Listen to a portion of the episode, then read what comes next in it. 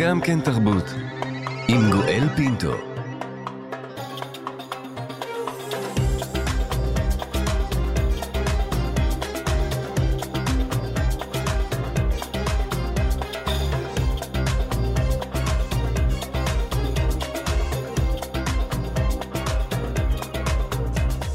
שלום שלום לכולכם, תודה שהצטרפתם אלינו לגם כן תרבות, מגזין התרבות של ישראל.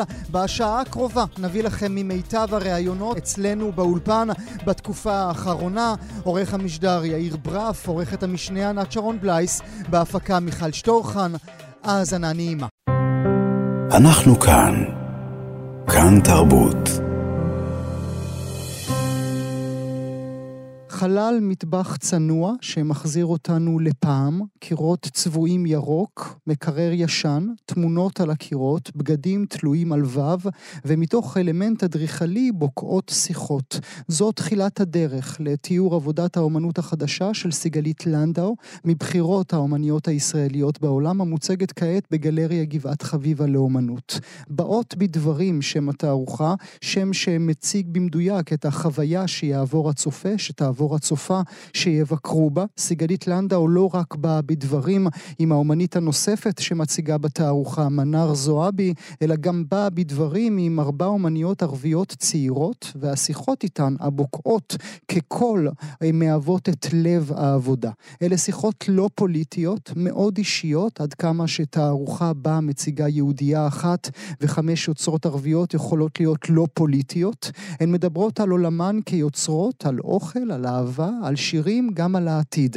בואו נשמע קטע קצר מתוך אחת השיחות המוצגות בעבודה. הנה סיגלית לנדאו מדברת עם לילה עבד אל-ארזק. באיזושהי תקופה מסוימת, כן, אני הייתי בורחת מהעניין של הזהות הפוליטית שלי, או הזהות באופן כללי. כאילו קרה סביב קורס, לא קורס, שיעור אזרחות. לא הבנתי בשיט מה היה קורה שם. שמעתי אנשים שכל הזמן היו פשוט מ... מתווכחים על ישראל ופלסטין ו... ושם אני כאילו הייתי אומרת אבל מה בדיוק קורה שם? מה כל השיח הזה על? אני לא כל כך מבינה למה נסלדתי המון מה... מהקונספט של פטריוטיזם. זה פשוט הכעיס אותי שכל הזמן היה כזה מין קבוצה של אוקיי אם אתה לא שונא יהודי אז אתה תכלס traitor uh, אתה בעצם איתם. אתה, אתה, אתה לא מה שאתה אמור להיות. אתה בעצם דפוק.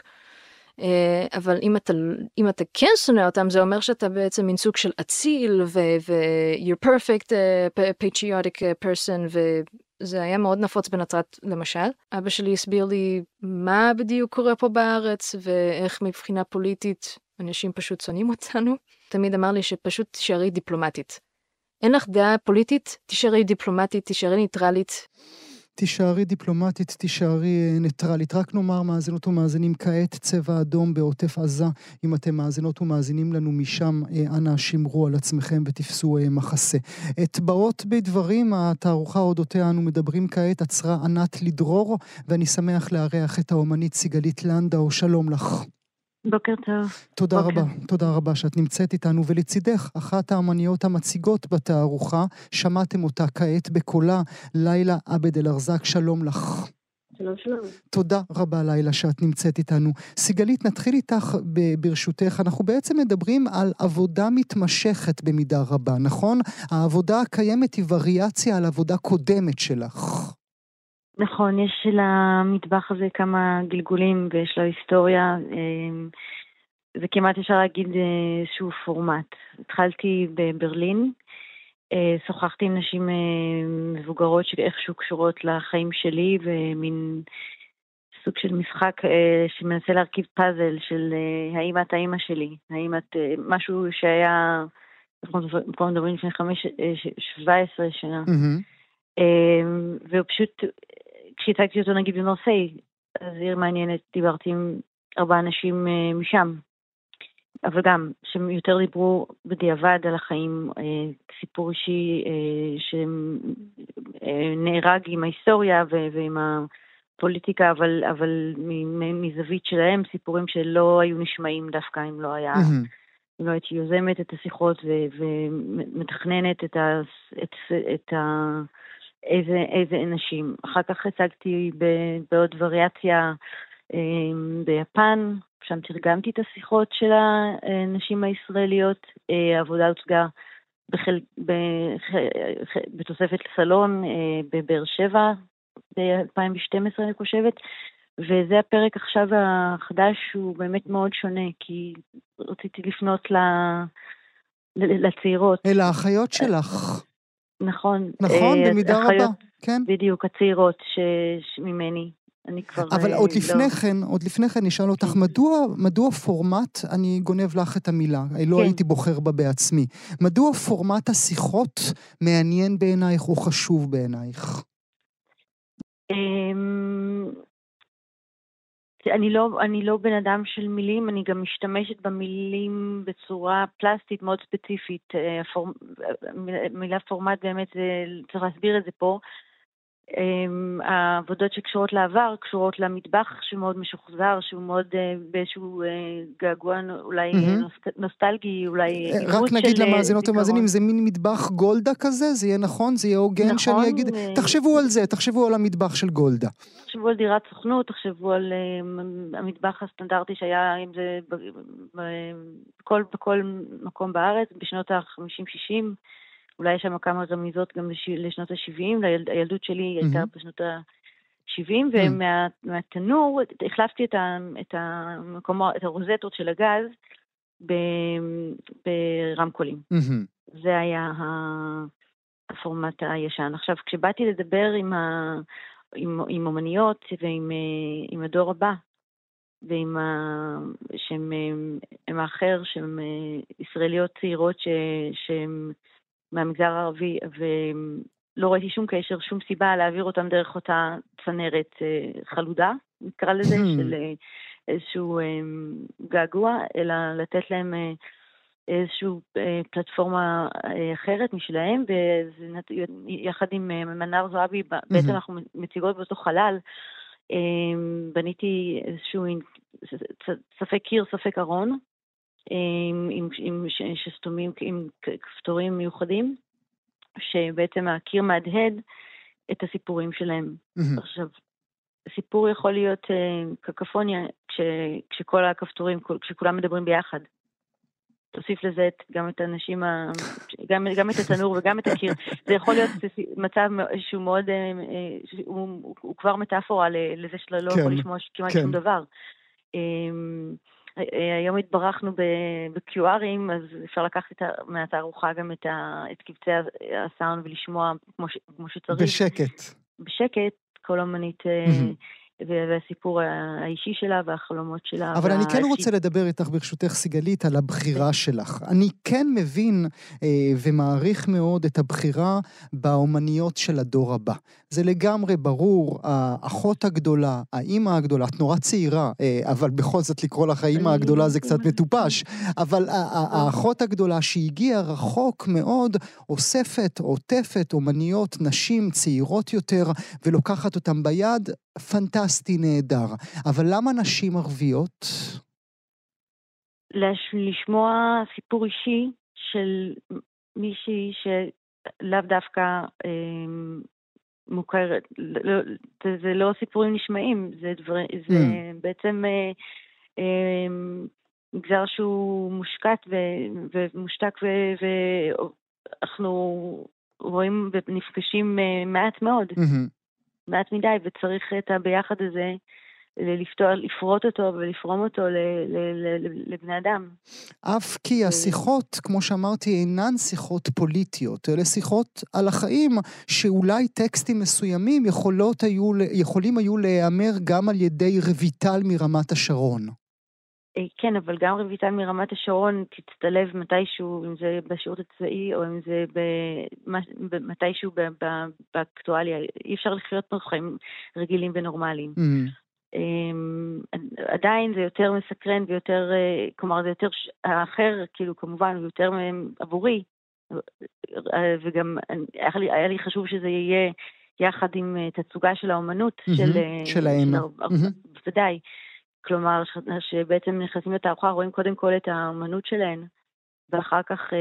מגיעים אלייך. מגיעים, מגיעים בסוף לסיפור שלהם. הייתה שאלה ו... בכלל אם להציג את זה בינואר 24 אחרי אוקטובר 23? בהחלט, התערוכה נדחתה לדעתי מנובמבר, אנחנו, היה לנו קשה מאוד, אפילו הפתיחה לפני כמה ימים, באנו כולנו מאוד עם לב כבד. Mm, אבל תפרטי לי את הלב הכבד, במובן של זה לא הזמן להציג אומניות ערביות, או זה לא, הצג, זה לא הזמן להציג אומנות? זה זמן שקשה להסתכל בעיניים של, אה, של מה שעשית לפני. פשוט... אה, הצינור לא, הוא אחר. בדיוק, בדיוק. אתה, אתה לא, אני לפחות לא מגיבה לאקטואליה, אני מגיב, לוקח זמן לאבד את ה... הכאן ועכשיו, למרות שיש שם גם פסל שלי שעשיתי לפני חודש וחצי והצגתי אותו. אז אה, זה פשוט, אה, באמת, אה, אנחנו מדברים על אמנות, די צריך לבוא לשם לראות מה באמת בסוף יצא. כי זה יצא, זה הכוח של האומנות להיות משהו... לא, לא, זה לא נכון להגיד נבואי, אבל זה יכול להגיד, אפשר להגיד שזה שם איזה מין מתווה של חצי אה, חורבן וחצי דלוזיה של כאילו החורבן מהצד של, אה, של אה, מנאר זועבי, הרצון להתענג על איזשהו משהו, עולם סדור שבונה את עצמו אחרי מלחמת העולם השנייה, שזה הדודות שלי והסבתות שלי, שהם ככה רקמו וקישטו ויצרו מין בית קוואזי אירופאי, משהו קצת אה, נודניקי hmm. בהקפדה שלה, שלי לפרטים, כי, כי זה נורא קשור לילדות שלי. אמ, כן, ו... והקולות כמובן. אני חושבת של... שכולנו בקולות, אנחנו כולנו במלחמה, אנחנו, אף אחד ב, ב, ב, בישראל, כי אנחנו מדברים על... אה, במצב שהוא מאוד, uh, הכל מאוד מאוד רגיש, mm-hmm, הכל מאוד כן. מאוד רגיש, היה צריך לציין את זה שזה נעשה לפני ה-7 לאוקטובר, וככה מעכשיו והלאה התחלקו חיינו הרי. כמובן. בואי נשים נקודה ברשותך, אה, סיגלית. אני רוצה לעבור אלייך, לילה עבד אל-ארזק, את אחת האומניות שגם מציגות בתערוכה, וגם ניהלת שיחות עם סיגלית שמושמעים, שיחות שמושמעות בעבודה של סיגלית, אז אומר לך שלום שוב, ואני רוצה מאזינות ומאזינים שתשמעו אינסרט, אה, אינסרט זה כמה קולות, מתוך עבודת הוידאו שלילה עצמה מציגה בתערוכה. Did it ever occur to you how stupid you sound? When you have the audacity to ask somebody a question about their identity? Do you hear yourself? Has the thought ever even crossed your mind? Imagine if I were to ask about your history, and you would give me a nasty look because I dared to ask you about your history, and I even second guessed your ethnic background because you claim to be something. But your blood says otherwise. אבל הדם שלך אומר אחרת. עוד רגע אתרגם לכם, אבל רק אומר לפני כן, לילה, יש לך קול פנטסטי, הייתי רוצה שתחליפי אותי פה בעבודה שלי. תודה רבה. האמת שאחד מהחלומות שלי ליצור מין סוג של תוכנית רדיו, אבל... אה, אז אנחנו כבר נעשה שת"פ, כבר נעשה שת"פ. אה, במהלך, ה, במהלך הסיר, העבודת וידאו הזאת אה, אומרת לילה, אי פעם חשבת על כמה טיפש אתה נשמע כשיש לך את החוצפה, האודסיטי, לשאול מש, מישהו שאלה על הזהות שלו? אתה שומע את עצמך? המחשבה הזאת אי פעם עברה לך בראש? דמיין אם אני הייתי שואלת על ההיסטוריה שלך. היית נותן לי מבט מלוכלך, כי העזתי לשאול אותך את השאלה הזאת, ואולי אפילו פקפקתי ברקע האתני שלך, כי אתה טוען שאתה משהו אחד, אבל הדם שלך אומר משהו אחר. עד כמה שאלות הזהות האלה, או שאלת שאלות הזהות, לזה אני מתכוון, שכל הזמן מבקשים ממך לשים עצמך בתוך תבנית, לשים עצמך בתוך מגירה, מביא לך את העצבים לילה. תראה, זה משהו שאני חוויתי רוב חיי, זה לא משהו שאני יצרתי בדקה 90, או לא יודעת, אה, יצרתי מין לג'נד uh, uh, כזה, שפשוט אנשים, פעם אחת אנחנו יוצרים את זה בתקופה האקטואלית שלנו. אומנם העבודה היא התבצרה בשנה שעברה, mm-hmm. במסגרת של תערוכת גמר של תואר שני באוניברסיטת חיפה, ושם, כאילו, העבודה התבצעה דרך אה, שאלה שממש, כאילו, קפצה כל הזמן, בלי קשר לתוכנית לימודים, אלא במשהו שאני פשוט כל הזמן סתמתי בראש שלי ולא רציתי להתייחס אליו בכלל, עד הדקה האחרונה. Mm. וברגע הזה זה היה מין סוג של כעס שפשוט רציתי להביע עליו ולהתייחס אליו למרות הסלידה, למרות הכאב, למרות ה... החוסר רצון להזדהות במשהו וגם לא להזדהות במשהו. שזה פנטסטי וזה הכוח של האומנות, כי מרוב שלא רצית להתייחס לזה, התייחסת רק לזה. נכון, חד משמעית. שאלת, ה, שאלת ה, ה, ה, האדם שאת, האישה שאת, האומנית שאת, במרחב בו אנחנו כולנו מתנהלים, ובוודאי, ובוודאי לאור שבעה באוקטובר, זה משהו שיכול גם לעצור את האומנות? זה משהו שיכול להגיד, אני, אני לא רוצה לשחק במשחק הזה? אני חושבת שזה מאוד תלוי בבן אדם ואיך הוא מרגיש אה, בהלך רוח של החיים. אני באופן אישי חושבת שאנחנו חייבים להמשיך ליצור אמנות כי אחרת למה אנחנו בחרנו בתחום הזה? אם אנחנו כבר בחרנו בתחום הזה, אז התפקיד שלנו הוא בעצם להביע את כל הכאבים שהם טמונים mm-hmm. בתוכנו. Mm-hmm. בין אם זה כאבים אישיים או כאבים אה, ציבוריים, כל אחד בדרך אה, שיש לאדם יכולת להביע את הצורה הזאת מבחינה אומנותית. ואם אנחנו מתבוננים מאודות היצירה שלך, לילה, אה, אנחנו, אני, אני בעיקר אה, שומע את השפה, והשפה היא עברית רהוטה, והשפה היא אנגלית פנטסטית, אבל לא ערבית. נכון. אה, למרות היה לנו אה, אופציה להקליט את השיחה בערבית, אבל אני באופן אישית לא הצלחתי. אה, א' כל כי אני איחרתי, כאילו, בעבוד, בעבוד, אחת מהעבודות שמוצגות כרגע בגלריה לאומנות בגבעת חביבה היא על הביוגרפיה האישית שלי, שבעצם אני איחרתי בדיבור, והשפה הראשונה שאני דיברתי היא בעצם עברית ולא ערבית. ותוך כדי רכשתי את השפה האנגלית מאימא שלי, כי היא מורה לאנגלית, ואז אוטוטו העניין הזה של משחק, אה, אה, איך אומרים את זה? היררכיה בין איזה שפה יכולה להיות יותר דינמית מהשנייה, mm-hmm. אבל הערבית היא פשוט לא שלטה באופן הכי אה, אה, עמיד כביכול. אה, וברגע שיצא לי לדבר עם סיגלית, אני פשוט הרגשתי יותר נוח בלשוחח איתה בעברית ואנגלית, מאשר מלשבת ולשוחח בערבית. כי אני באופן טבעי, אני פשוט מערבבת תוך כדי uh, משפט כמה uh, שפות אחרות. אין, אבל, אין אבל לי... גם זה חלק, לילה, מאות הקלון עלייך, נכון? או בדרך כן. בה תופסים אותך. נכון. אה, אפילו ערבית היא לא יודעת, או היא לא יודעת כמו שהיא אמורה לכאורה לדעת.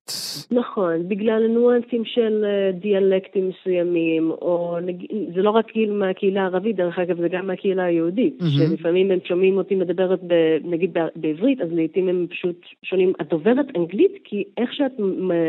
יוצרת את המשפט, mm-hmm. כמעט נשמע כאילו את מנסה לדבר באנגלית, אבל אה, עם, אה, עם השפה העברית. לעומת בשפה הערבית, אה, זה יותר בא מבחינת האקסנט. האקסנט היא, היא נשמעת יותר זרה mm-hmm. לדוברי הערבית ולמי שממש מבין על מה מדברים. כן. אתה גם לא יכול לרצות אף פעם אף אחד. בשביל לא, אלה, אתה, אתה כל הזמן, כאילו, כמו שאמרה לנו מייסלון חמוד, אתה לא פה ולא שם אף פעם. כן. סיגלית, את הרגשת את הלא פה ולא שם אצל כל המרואיינות שלך? אצל כל הנשים איתן שוחחת? אה, אחרת, כל אחת באמת, באמת, באמת סיפור עולם אה, אחר, דגשים, תקופות חיים, ציפיתי אפילו לסיפור, לסיפורים הרבה יותר, אה, יש כאילו, ציפיתי להרבה יותר קושי, ונורא הערכתי את הפתיחות. והלא כאן ולא שם אמ, מגולם מאוד, עכשיו אני חושבת בניתי את, ה... את האובייקט, והוא אה, כמו עצם בגרון, כי יש משהו שהוא לא, שהוא לא שם ולא כאן. ב... בלהיות אה, ערבי ישראלי וערבייה ישראלית. ו... לכולם יש קשר למקום, mm-hmm.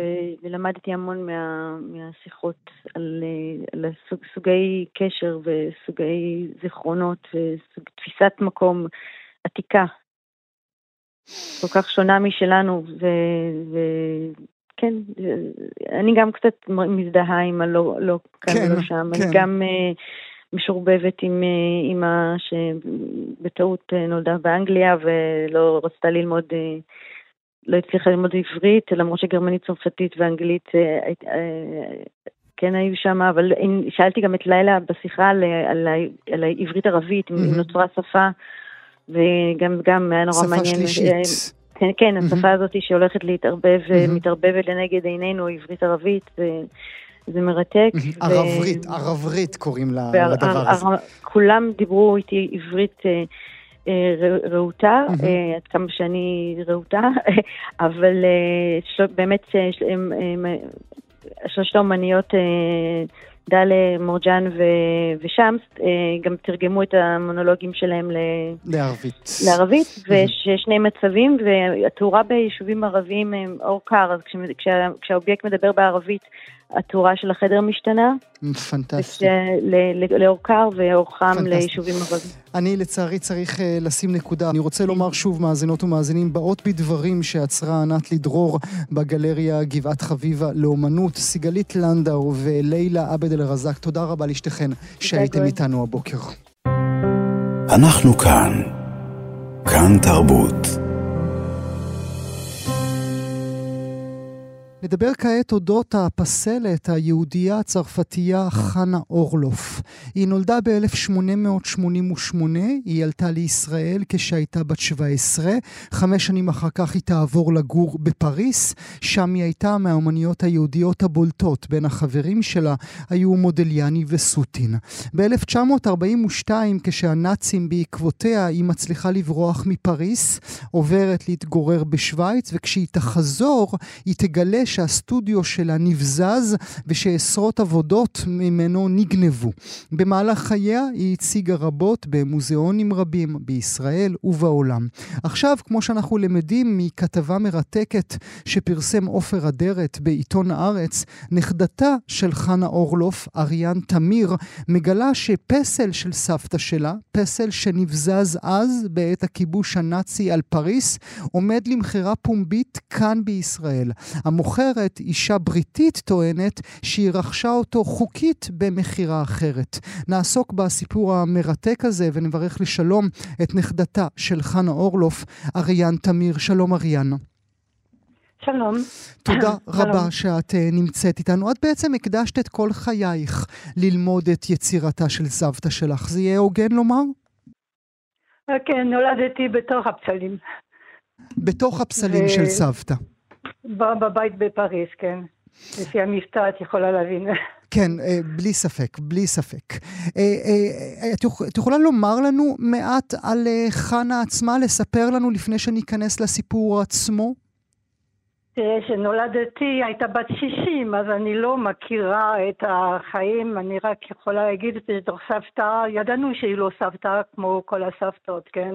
העולם היה מסביבה, היא הייתה מאוד... Uh, זאת אומרת, עם הרבה חום, עם הרבה חברים, עם הרבה אה, כיף, עם, עם אהבה לשחוק, לספר סיפורים, לנו כזה מישהו שהחזיק את, את הבית ושהיא הלכה, פשוט אה, כאילו שהבית, אה, איך אומרים, אה, נפל עלינו, mm-hmm. אבל לאט לאט אה, אנחנו... התחלנו להבין מה באמת היא הייתה באמת בתוך אה, לא רק אישה וסבתא, אבל באומנית. בתור אומנית. וידעתם במהלך חייכם, אה, אה, כל עוד היא הייתה רק סבתא עבורכם, ידעתם שהיא אומנית שמציגה בכל רחבי העולם, שאנשים נושאים אליה עיניים? כן, קשה לא לדעת, כי היא הייתה מקבלת וקיבלו אותה, ו... בגיל 18 התחלתי גם אה, להיות את הנהגת שלה. היא נהגה, אבל זה היה משהו מאוד מסוכן. אז הייתי, אז עוד יותר הבנתי עד כמה היא, היא חשובה להמון אנשים. כן. והקבלה שלה בעולם האומנות אה, הישראלי, הבית שלה, האטליה, היום הפך כבר למוזיאון, אה, למוזיאון שלה. זה משהו שהיה חלק מרכזי מהבית שלכם? מה, מה, מה, מהמחשבות שלכם? להפוך את הבית למוזיאון? כן. זה היה מאוד, החלטה מאוד uh, קשה, כי סך הכל זה הבית שגידלנו שם. היה שני חלקים, כן, את המקום עבודה והדירות, אבל uh, באיזה שלב הבנו שאי אפשר, לא זאת אומרת, להישאר ורק אנחנו נהנה מכל העבודות האלה, מאות עבודות, mm-hmm. ו... ופתחנו את זה עם הצלחה מאוד גדולה, המון אנשים מגיעים. ו... עד היום, עד היום. וזה, אנחנו... כן, עד, עד היום, כן, זה התחיל לפני 20 שנה בערך. אנחנו יודעים כמה יצירות שלה הנאצים אה, בזזו, הנאצים גנבו אז בשנות ה-40? אז כשהיא חזרה, היא עשתה רשימה עם עזרה של אבא שלי, אבא שלי היה בן יחיד שלה, ו... והגיעו ל-147 עבודות, כל, ה, כל העבודות שלה, כל החיים שלה, ככה הלכה, כמובן עבודות אה, בפיסול, אבל אה, רהיטים, הכל, כן. וכמה יש ברשימה? זה מעל למאה, נכון? ממה שאני יודע. 104, בדיוק 147, בתוך זה ארבע חזרו כבר הביתה, אם אפשר להגיד. אחרון השנה, 23, בינואר, לפני שנה בדיוק, הגיע סוף סוף פסל אחרי איזה סיפור ארוך של 15 אה, שנים של חזר מאיפה, אריאן? חזר לאטוליה בפריז. אבל, אבל מאיפה? איפה, איפה הוא היה? מניו יורק, מארצות הברית. זאת אומרת, אנשים פרטיים או מוזיאון שהציג אותו והבין שהוא בעצם יצירה גנובה? לא, אנשים פרטיים בעצם אנחנו מגלים את העבודות האלה שהם מגיעים למכירה פומבית, mm. שזה מכירות פרטי, אי אפשר לדעת, אלא מבקשים מאיתנו תעודת... Mm-hmm. או משהו, אבל לא זה היה במכירה פומבית גדולה. ואז את צריכה ויכולנו... כל פעם מחדש, אריאן, לצאת במסע של תביעות משפטיות בכל רחבי העולם כדי לקבל מחדש, לקבל בחזרה את היצירה של סבתא שלך. אבל מזל שלפעמים זה לא צריך להגיע לזה. אנשים שמבינים, תראה, סך הכל אנחנו יודעים שאנשים שעכשיו יש להם פסל, הם לא באו ב-42 לקחת אותם בפריז, mm-hmm. כן, הם פשוט הם לא אלה שגנבו את זה. Mm-hmm. אז אנחנו מנסים לעשות איזה החלפה, משהו לא עושים לי, משהו חשוב, אבל אם הפסל יותר, שיש להם יותר חשוב עלינו, אז אנחנו מציעים משהו במקום, mm. שזה לא מה שהחוק אומר, כן, החוק אומר שזה שלנו נקודה, mm-hmm. אבל אנחנו מתחילים בזה. אבל בשני מקרים, הפסל הזה בניו יורק ועכשיו, אנשים לא רוצים uh, להיכנס לשום uh, משא ומתן.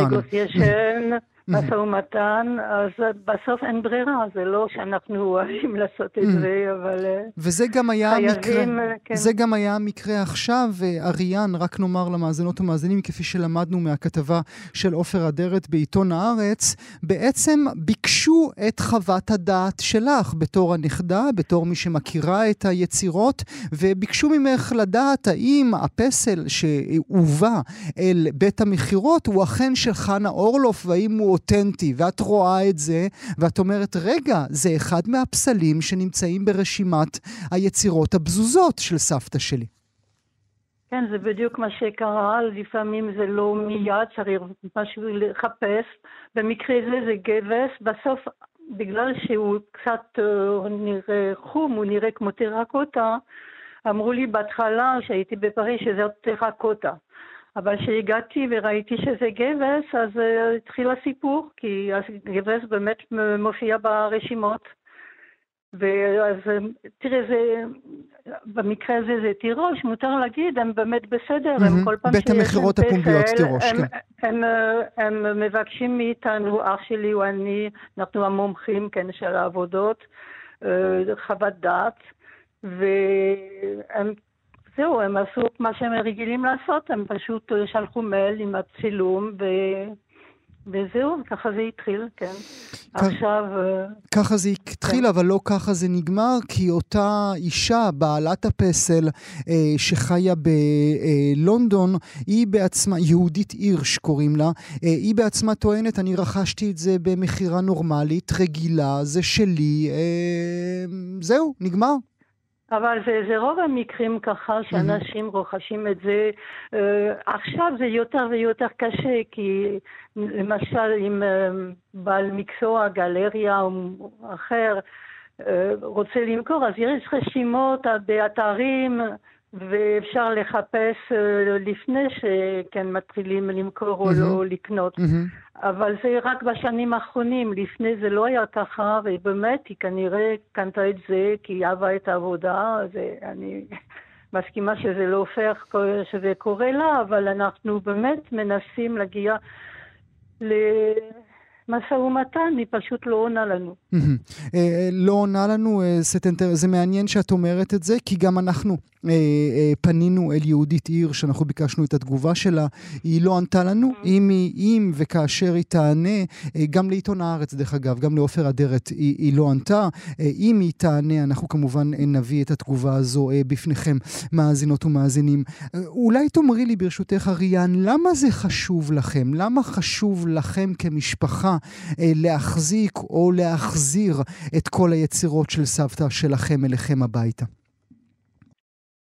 קודם כל, מה שקרה לסבתא שלי זה פשוט אה, נורא, כן? אז אני לא רוצה להשוות לאלה שהלכו למחנות ודברים כאלה, אבל מבחינת אומנית, שגונבים לך 20-30 שנה של החיים שלה, ויש דברים שהם באמת יוניק, כמו פסל עץ שחזר השנה. Mm-hmm. זה לא כל כך המקרה של הגבס הזה, אבל גבס, דבר ראשונה שהתחיל, שהיא ענתה לי פעם ראשונה, בימים שהיא עוד ענתה לי, אמרה, אמרו לי שאני גם יכולה להציג, לא לייצג אה, ברונזה mm-hmm. עם ה... וזה מאוד אסור, ומה שאנחנו פוחדים, שיש גבע שמסתובב מסתובב בשוק, שיעשו על זה יציקות, ואז בעיה, זה מרפיל את הבעיות לעוד יותר. ועכשיו כן. כשאנחנו מדברים, הפסל נמצא פיזית איפה? עדיין בבית מכירות תירוש, אה. אבל הם אה, יהיו עוד מעט חייבים להחזיר לה את זה, כי בארץ אין מודעות ואין חוק שמאפשר לנו כאילו אה, פשוט אה, לא, לא לשלוח לה חזרה. מעניין, אין כאן, אי אפשר להוציא כן. צו בבית משפט? עם ה... אז זה בדיוק, זו התשובה שקיבלנו. הם, הם אומרים לנו, תעשו הסכם, תמכרו את הפסל, תחלקו את הכסף, זה מה שעושים בדרך כלל, אבל במקרה של גבס אנחנו לא רוצים שזה ימשיך להסתובב. בשוק. זה לא עניין למכור, זה לא עניין של ערך של הפסל. מישהו את, את, את, אמר לנו, נתן לנו רעיון שאולי שהיא תעשה תחומה ל... ל... ליד ושם. מוזיאון mm-hmm. של יד ושם. ואז יש אפשרות שהיא תקבל מזה החזר מס, או לא יודעת מה, לפי החוקים באנגליה. בצרפת זה כן קיים, כן? ולנו זה מתאים, מתאים מאוד שפסל הזה תהיה במוזיאון בארץ. Mm-hmm. זה לא בשביל שיהיה לנו את זה ב... מבינה, mm-hmm. זה פשוט... אבל גם לזה היא לא הגיבה עדיין, כן. יש עוד צוות חדש, וזה גם עכשיו חגים באירופה, בין ה Christmas לראשון לינואר, בדרך כלל שום, שום דבר לא עובד באירופה. אז נכון שהיא יהודייה, אבל אולי היא בחופש סקי, או שאני לא יודעת איפה, צריך לתת לה כמה ימים בכל זאת. ממש חדש, אבל זה היה פתרון מאוד אלגנטי, אני מקווה שהיא תחשוב על זה. מה שהפיל לי את הלסת, ואני מניח שהוא גם יפיל למאזינות והמאזינים שלנו עכשיו, למדנו מהכתבה של עופר אדרת, יכול להיות שלמחבלי חמאס יש פסל של סבתא שלך שם במנהרות שלהם? אה, כן, זה יותר מ... זאת אומרת, במנהרות אני לא יודעת, אבל לסבתא שלי היה אח, צבי נשרי. הבת שלה היא אחת מאלה שהתחילו את הקיבוץ בארי. היה לה פסל מאוד יפה, שירשה שושן ארם, הבת דודה שלי, mm-hmm. שהייתה עכשיו בשבי. Mm-hmm. הבית שלה בקיבוץ uh, לגמרי נסחף, והברונזה הזה נעלם. עכשיו, חיפשו טוב, כי ברונזה יכול, צריך חום מאוד גבוה כדי שיקרה לו משהו. Mm-hmm. אבל אפילו אם הוא קורא, אז יש שאריות, רואים משהו, לא, לא חיפשו טוב, לא ראו כלום. אז uh, זה כנראה גם הפסל uh, הגיע לעזה, איפה, האם זה עדיין קיים עם כל הפצצות, זה אני לא יודעת, אבל כן, 80 שנים אחרי הפוגרומים ב, ברוסיה, זה קרה כאן. ועל שמונה שעשרה לא פוגרום. מדברת על הנאצים באירופה. פוגרומים זה עוד היה קצת לפני, כן, כן, אבל לא היו פסלים אז. אחרי שגנבו את הפסלים מהאטליה של סבתא שלך בפריס, עכשיו זה נגנב לעזה. זה מצמרר. אני רוצה להגיד לה, באמת, אם עוד עשר שנים מופיע את הפסל הזה שגנבו בקיבוץ בארי, ומישהו יקנה את זה בככה, כי הוא אוהב את הפסל, אז היא תגיד, זה שלי? בגלל שלא ידעתי שגנבו את זה מקיבוץ בארי, זה משהו פה לא, לא עובד טוב בארץ עם הספוליישן. אנחנו נמשיך ונעקוב אחר השיחה הזאת. אנחנו מודים לך מאוד שהיית איתנו, אריאן תמיר, הנכדה של האומנית אה, חנה אורלוף. תודה רבה שהיית איתנו הבוקר. תודה, שלום. אנחנו כאן. כאן תרבות.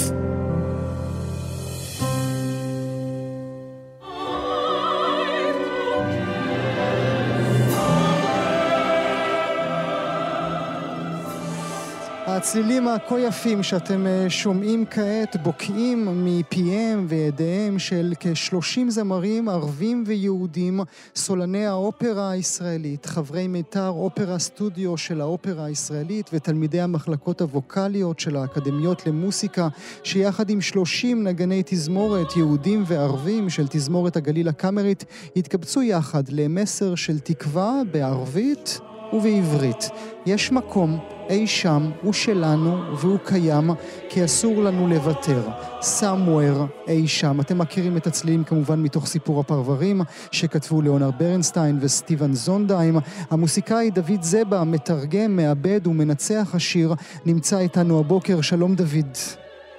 שלום גואל, בוקר טוב. תודה רבה שאתה נמצא איתנו, ולצידך נביל אבו אשכר, מייסד ומנכ"ל עמותת פוליפוני. שלום נביל. שלום, שלום. תודה רבה שאתה נמצא איתנו. דוד, אתה מאמין שיש מקום?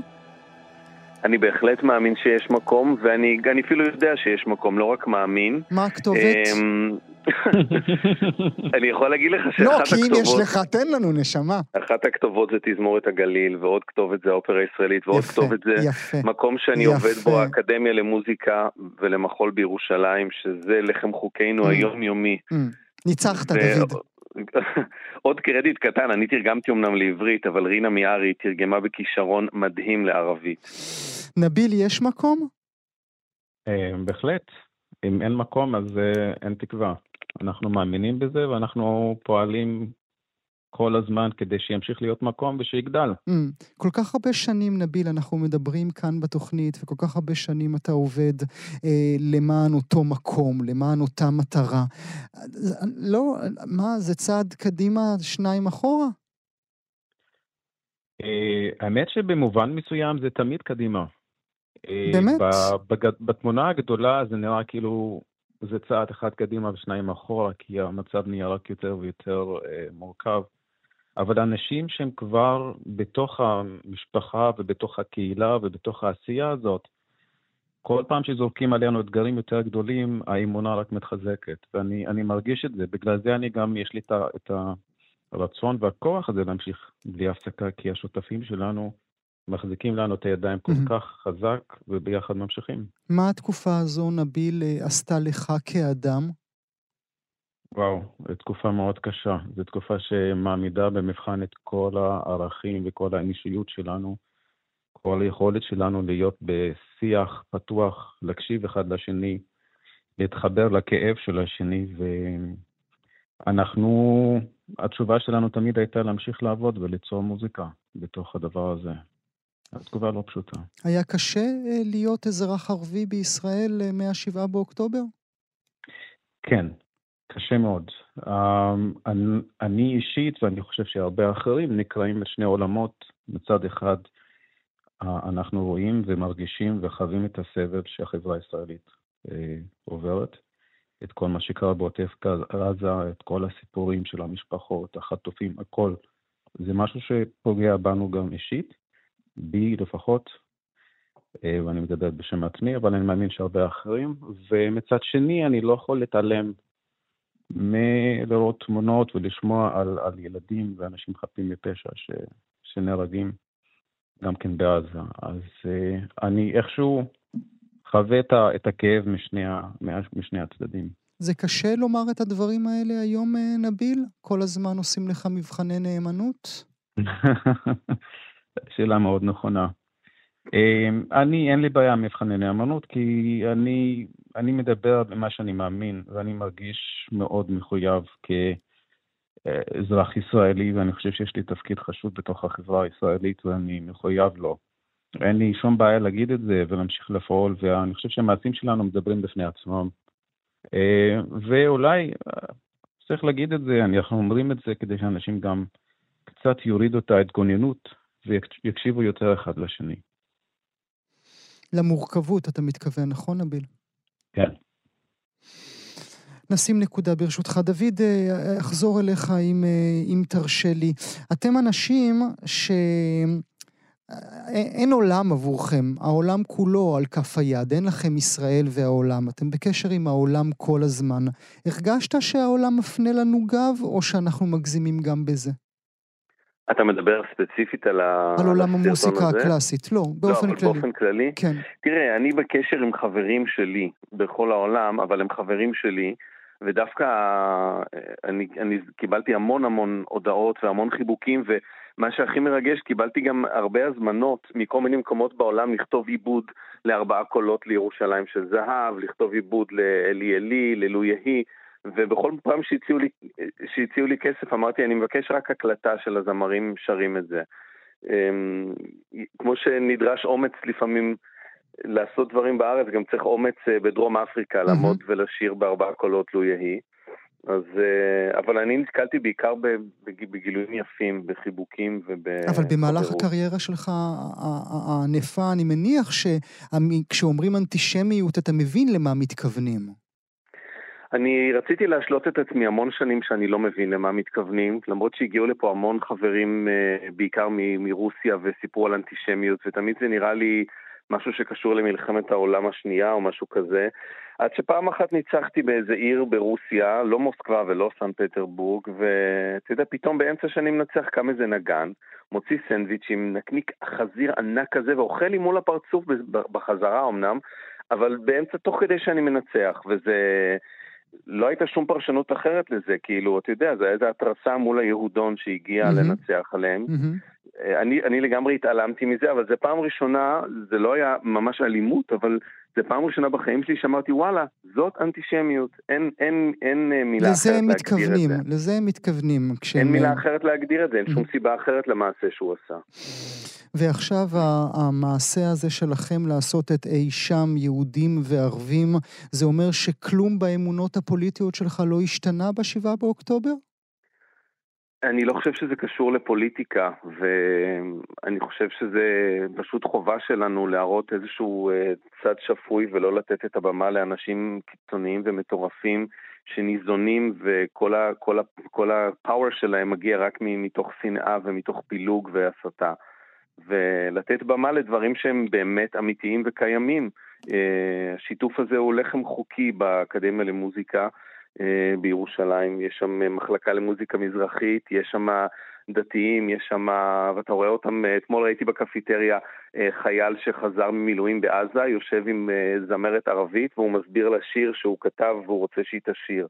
וזה רגעים נפלאים, mm-hmm. והרגעים האלה הם מהחיים, הם לא מהעננים ולא משום כוכב דמיוני, mm-hmm. וצריך לתת לרגעים האלה במה ותשומת לב ולהראות... את האור, דווקא, דווקא לרגעים האלה.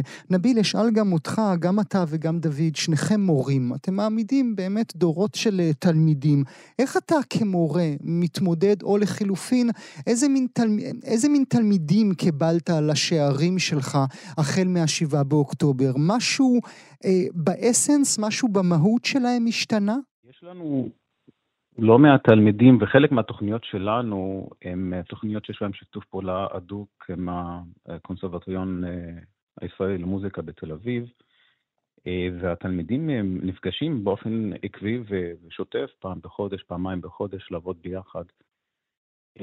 ומה שראיתי, שאת הערכים שאנחנו חינכנו את התלמידים שלנו במשך השנים, הם באמת הופנמו והם יצאו החוצה בתקופה הזאת. המחויבות של התלמידים להמשיך להיות בקשר עם, השותפים שלהם, עם הקולגות שלהם אה, מתל אביב, וגם אה, לצד השני. אה, זה משהו שמאוד ריגש אותנו והראה לנו שבאמת הערך של החינוך וה, והכוח של החינוך, של להעריך את האחר ולחשוב על האחר כשותף, מגיל צעיר זה משהו שנשאר, זה לא משהו שמתבטל כשיש את, ה, את המתחים ואת המשברים האלה הפוליטיים, אז... אה, אני לא יודע אני, אם אני... להאמין לשניכם, או ששניכם קמתם בלה-לה לנד. אה, אני לא יודע, אתן לדוד להגיד את התשובה לשאלה הזאת.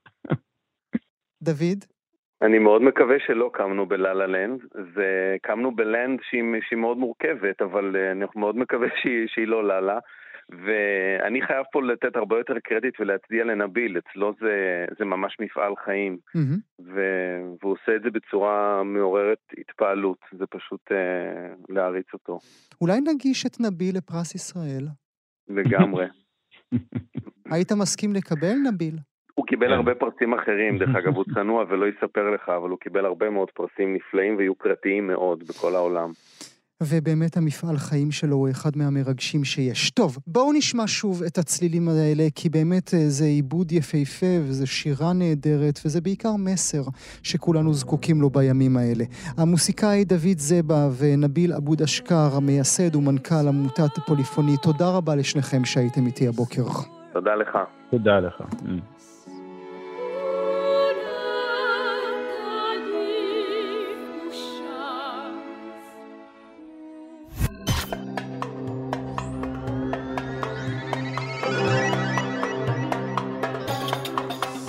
זהו, הגענו לסיומה של שעה של המיטב מהראיונות באולפן גם כן תרבות. עורך המשדר יאיר ברף, עורכת המשנה ענת שרון בלייס, בהפקה מיכל שטורחן. תודה שהייתם איתנו, עד הפעם הבאה, להתראות.